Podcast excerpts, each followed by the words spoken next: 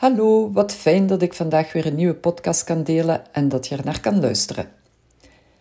Vandaag wil ik het hebben over straffe madame. Als ik die woorden uitspreek, denk ik steeds terug aan een vriend journalist die elke vrouw met pit straffe madame noemt. Het heeft iets liefs en toch weer iets heel krachtigs. Het is misschien wel een goed idee om hem eens te interviewen en hem te vragen wat hij eigenlijk bedoelt met straffe madame. Dus dat zal voor een volgende keer zijn, vrees ik. Ondertussen heb ik er mijn eigen en trouwens meerdere bedenkingen over. Een straffe madame kan een vrouw zijn die met veel zelfvertrouwen het leven bewandelt. Een vrouw waarvoor niets in de weg staat en door dik en dun raast.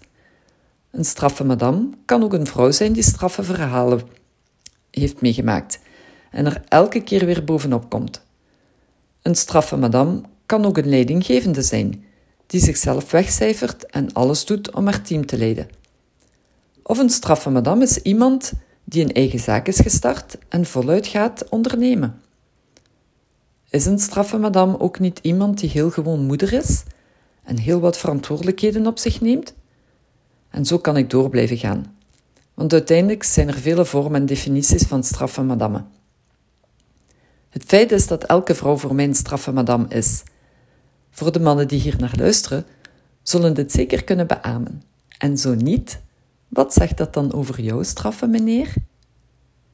Ik wil niet seksistisch zijn, maar ik vind wel dat er mag gezegd worden dat vrouwen heel wat aankunnen en zoveel beheren tegelijkertijd, dat ik eigenlijk vol bewondering sta voor deze straffe madame. Ik was ook een vrouw die alles aankon en niets stond mij in de weg, tot ik in een burn-out ben beland. Nu ben ik minder multitasking geworden en vraag me soms zelfs af hoe ik het hiervoor allemaal kon. Vandaag de dag zijn er ook veel alleenstaande papa's die ook nu beter begrijpen wat een straffe madame is. En dus ja, er zijn ook straffe meneren. Maar vandaag heb ik nog eens kunnen waarnemen wat een echte straffe madame is. Heel simpel, mijn moeder. Ze is 80 jaar, maar ziet eruit alsof ze nog maar net 70 is. Ze heeft drie meisjes ter wereld gebracht. Ze heeft haar eigen kledingzaak gehad. Ze heeft altijd veel gezwoegd om haar huishouden picobello te houden, een grote tuin te onderhouden en ook voor haar ouders gezorgd heeft. Samen met papa heeft ze een zwaar auto-ongeluk gehad toen ik vier jaar was. Ik kan het me echt nog herinneren alsof het gisteren was. Het is een echt trauma voor mij geweest en uiteraard voor hun ook. Papa is twee maanden in het ziekenhuis moeten blijven en zij ongeveer vier maanden. Er werd daar toen gezegd dat ze niet meer zou kunnen lopen en in een rolstoel zou verder moeten leven. Gelukkig heeft ze via een vriendin een arts gevonden in Leuven die haar voet heeft kunnen opereren en vastleggen. Nu draagt ze wel steeds dezelfde hoogte van schoenen, maar liever dat dan niet meer kunnen gaan. Dat ongeluk betaalt ze nu nog zwaar. De gevolgen van het ongeluk maakt dat bij het ouder worden de fysieke pijnen steeds zwaarder en moeilijker worden. Ze kan nog moeilijk lopen, maar ze klaagt nooit. Ze is niet te fier om met een rollator rond te wandelen. Ze is degene die haar vriendinnen gaat ophalen om een koffie te gaan drinken. En ze is degene die het huis in stand houdt. Wat maakt dat zij nu een straffe madame is? Wat kunnen straffe madame beter? Ik zal het je zeggen. Haar mentale ingesteldheid. Echt waar, die mentale ingesteldheid, die sterkte die ze daar heeft, is zo enorm en dat maakt het grote verschil. Ze blijft positief, ze geeft niet op, ze gaat ervoor.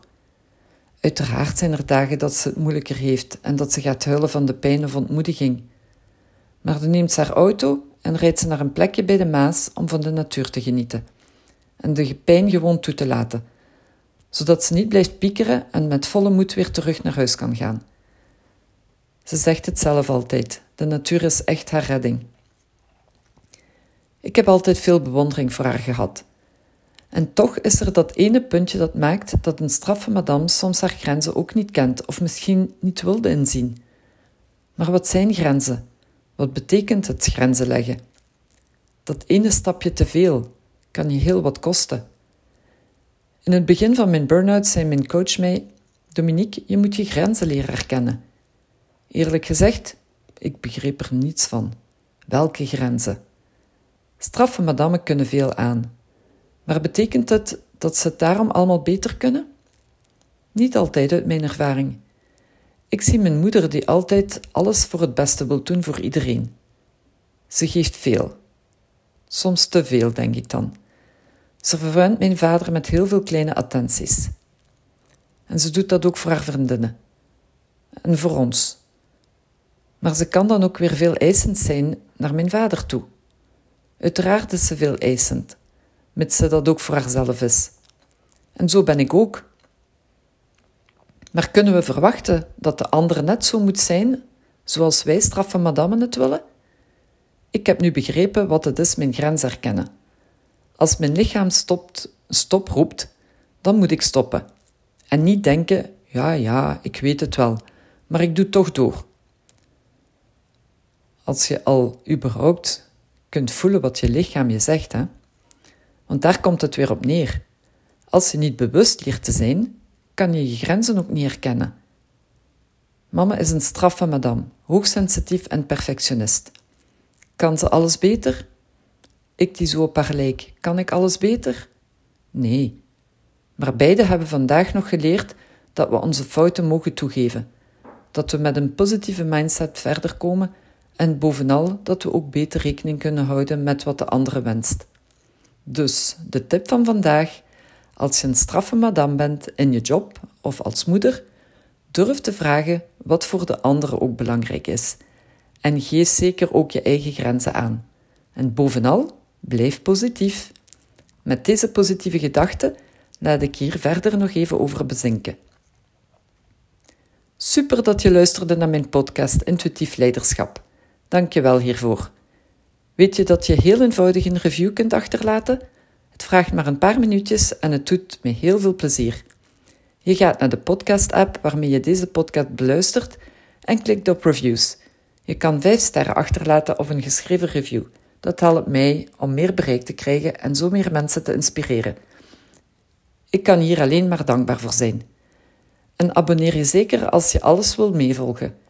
Klik in je podcast-app op de knop subscribe of abonneren en je ontvangt automatisch een berichtje als er een nieuwe podcastaflevering verschijnt. Handig toch? Ken je iemand die ook baat zou hebben bij het luisteren van deze podcast?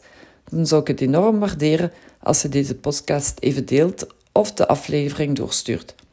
Als je via Spotify luistert, kan dat heel simpel door naar de drie puntjes te gaan in de app en dan klikken op delen of gewoon de link te kopiëren.